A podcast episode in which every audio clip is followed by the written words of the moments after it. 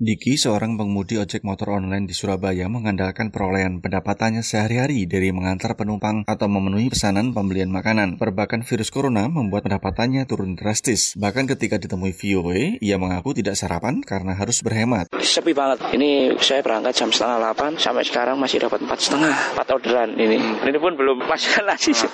Baru kan?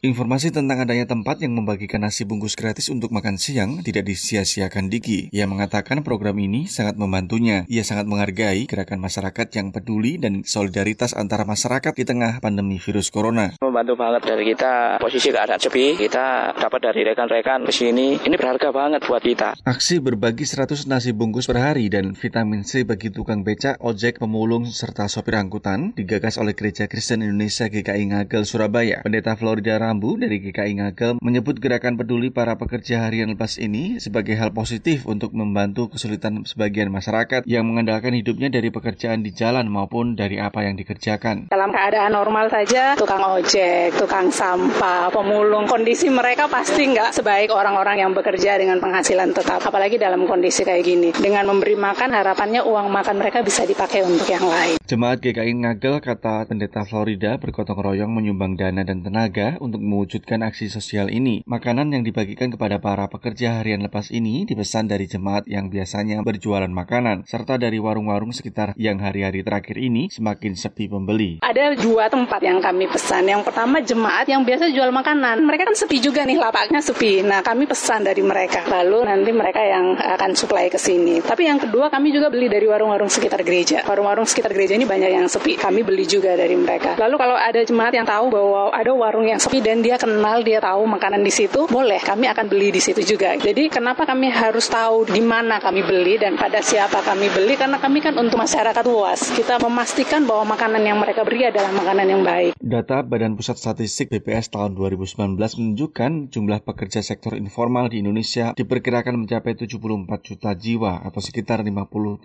persen. Sedangkan pekerja sektor formal mencapai sekitar 53 juta jiwa atau sekitar 43 persen. Pendeta Florida berharap melalui gerakan bersama meskipun kecil seperti ini, permasalahan terkait dampak virus corona akan dapat diringankan sekaligus sekaligus menyebarkan pengaruh positif bagi kelompok masyarakat lain untuk ikut terlibat membantu sesamanya yang membutuhkan. Dari Surabaya, Jawa Timur, Petrus Rizky melaporkan untuk VOA Washington.